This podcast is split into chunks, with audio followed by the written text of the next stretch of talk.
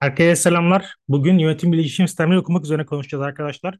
Ee, Burada elimizde bazı sorular olacak. Bu sorular üzerinden soru cevap yöntemiyle gideceğiz aslında. Şimdi bu soruların ilki neden bu bölüm sorusu? Şimdi arkadaşlar baktığımız zaman yönetim bilişim sistemleri aslında geleceğin iş dünyasını hazırlayan yeni nesil bölümlerden bir tanesi. Burada şundan bahsediyorum aslında. Şu anda mesleklerin her birisi 5-10 yıllık bir ömre sahip. Ve bu giderek daha da kısalacak. Yani artık mesleklerden ziyade o mesleklerin gerektirdiği yetkinliklere sahip olmak önemli hale geliyor. Ve daha da gelecek. Dolayısıyla yönetim bilişim sistemleri sahip olduğu ders programıyla bu imkanı sağlıyor. Bu açıdan yönetim bilişim sistemleri neden tercih edilmeli sorusuna yanıt bulabiliriz bu soruyla. Şimdi bu bazı açılardan evet avantaj ama bazıları için de dezavantaj olabilir bu durum. Nasıl yani?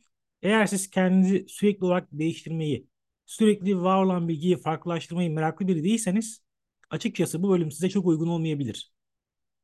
Burada şunu kastediyorum. Yani yönetim ve işim sistemleri okuduğunuz zaman sizin elinizde net bir uzmanlık olmayacak mesela.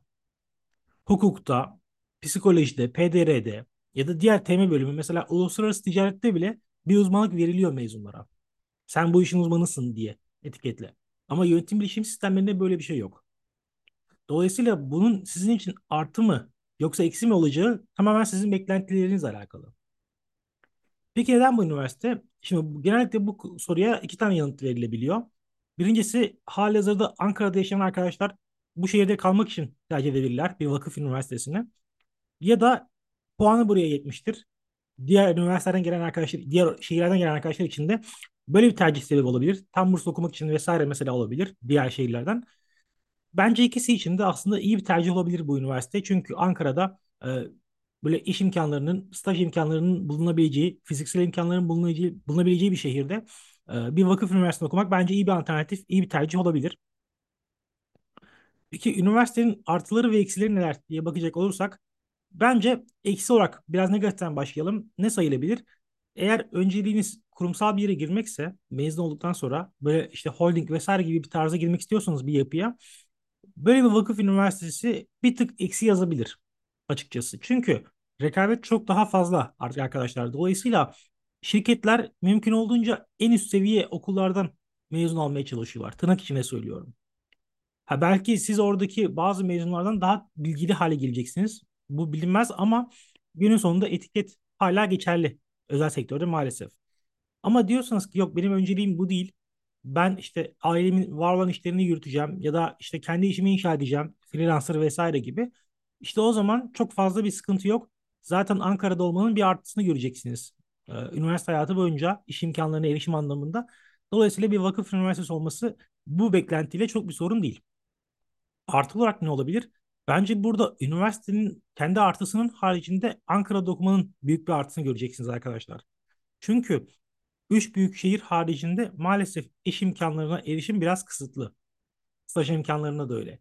Ha, burada şöyle bir imkan doğuyor. İşte online tarafta çalışma imkanı giderek yaygınlaşıyor ama hala bir yerde fiziksel çalışabilmenin, bir yere gidip gelebilmenin imkanı çok daha yüksek bir getiri sağlıyor.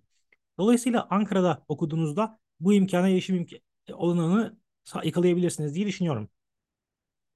Peki bu bölümü bitirdiğim zaman hangi iş imkanlarını elde edebilirim?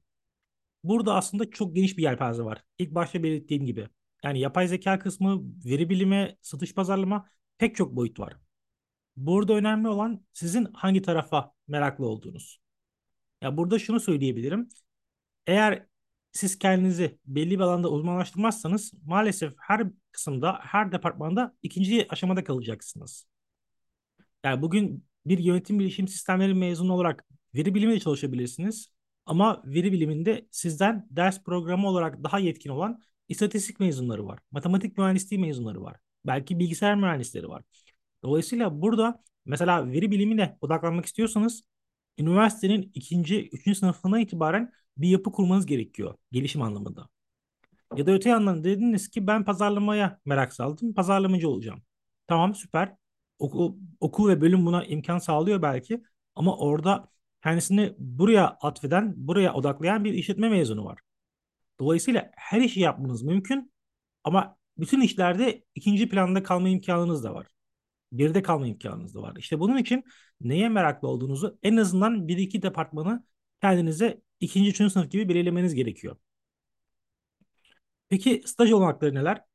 Aslında burada Ankara'nın dediğim gibi getirdiği bir avantaj var. Yani orada pek çok işte gerek teknokentler olsun gerek işte kuluçka merkezleri vesaire buralarda pek çok girişimde görev alabilirsiniz. Ha burada bazen şu olacak mesela bunu da şimdiden bir spoiler vereyim. Önünüzdeki birkaç yılın e, bir ipucu olarak bazen staj saatleri derslerle çakışacak mesela. Derslerle işte uyumayacak vesaire.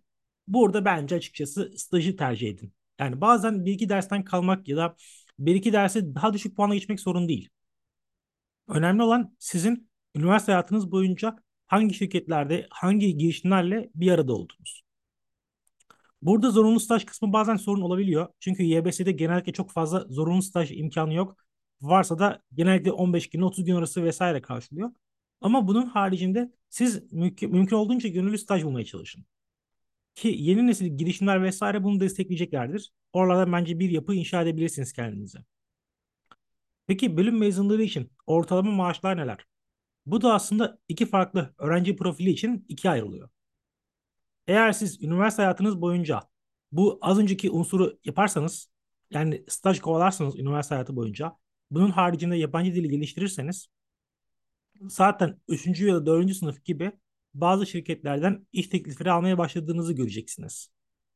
Bu da genellikle asgari ücret seviyesinde olur. Yani 3. ya da 4. sınıf gibi bir yandan asgari ücretle çalışırken bir yandan da okul okumaya devam edersiniz.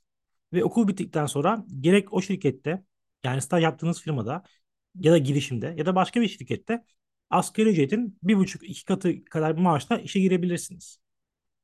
Ama bu yaygın bir şey mi? Maalesef bunun yaygın olmadığını söyleyebilirim. Bunun sebebi piyasa değil bu arada. Biraz maalesef öğrenciyle alakalı. Öğrenci biraz daha sosyalleşmeye öncelik verdiği için e, bu durum yaşanabiliyor. O zaman da ne oluyor? Mezun olduktan sonra işe girmeye başlıyor ve asgari ücretle başlıyor maalesef. Çünkü arada diğer o birinci e, seçeneğe göre bir buçuk iki yıllık bir fark oluşuyor. Dolayısıyla buradaki mevzu detay sizin kendinizi hangi ölçekte geliştirdiğinize bağlı. Benim anlatacaklarım genel olarak bu şekilde. Bunlarla ilgili soru, yorum, görüş, düşünce vesaire varsa bunları yorum olarak bize iletebilirsiniz. Eksik kaldığımız kısımlar olabilir. Onları bu şekilde e, telafi edebiliriz diyeyim. Videoyu beğendiyseniz bu videoyu beğenmeyi ve kanalımıza abone olmayı unutmayın. Önümüzdeki videolarda görüşmek üzere.